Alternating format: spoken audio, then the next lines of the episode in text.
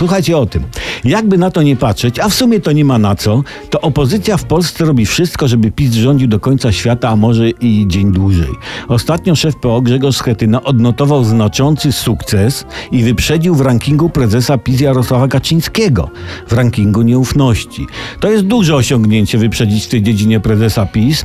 I czy może PO budować na tym sukcesie swojego szefa polityczny kapitał? Tak, może, ale osobiście bym nie doradzał.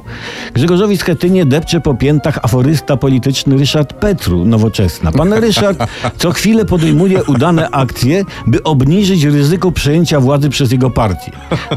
Na, na przykład powiedział o TVP. Tam nie ma jednego materiału, który byłby obiektywny. To sączenie jadu wobec tych, którzy im zagrażają, wobec mnie. Stąd inwigilacja mojej osoby.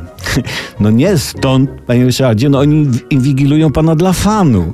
A, a z tym zagrożeniem PiSowi to, to bym się na miejscu pana Ryszarda delikatnie mówiąc nie obnosił.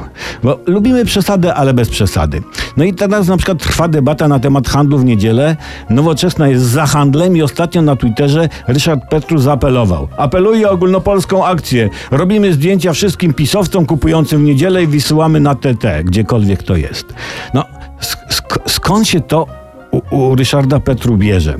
Słuchajcie, to nie jest łatwe. To lata pracy, litry wylanego potu, seryjne przegranie w lotto, może zanieczyszczony alkohol, nie wiadomo. I, I patrzcie, wymyślony przez PiS termin opozycja totalna nabiera takiego nowego znaczenia. Opozycja totalna, no, no bo totalnie nie wie, co robić.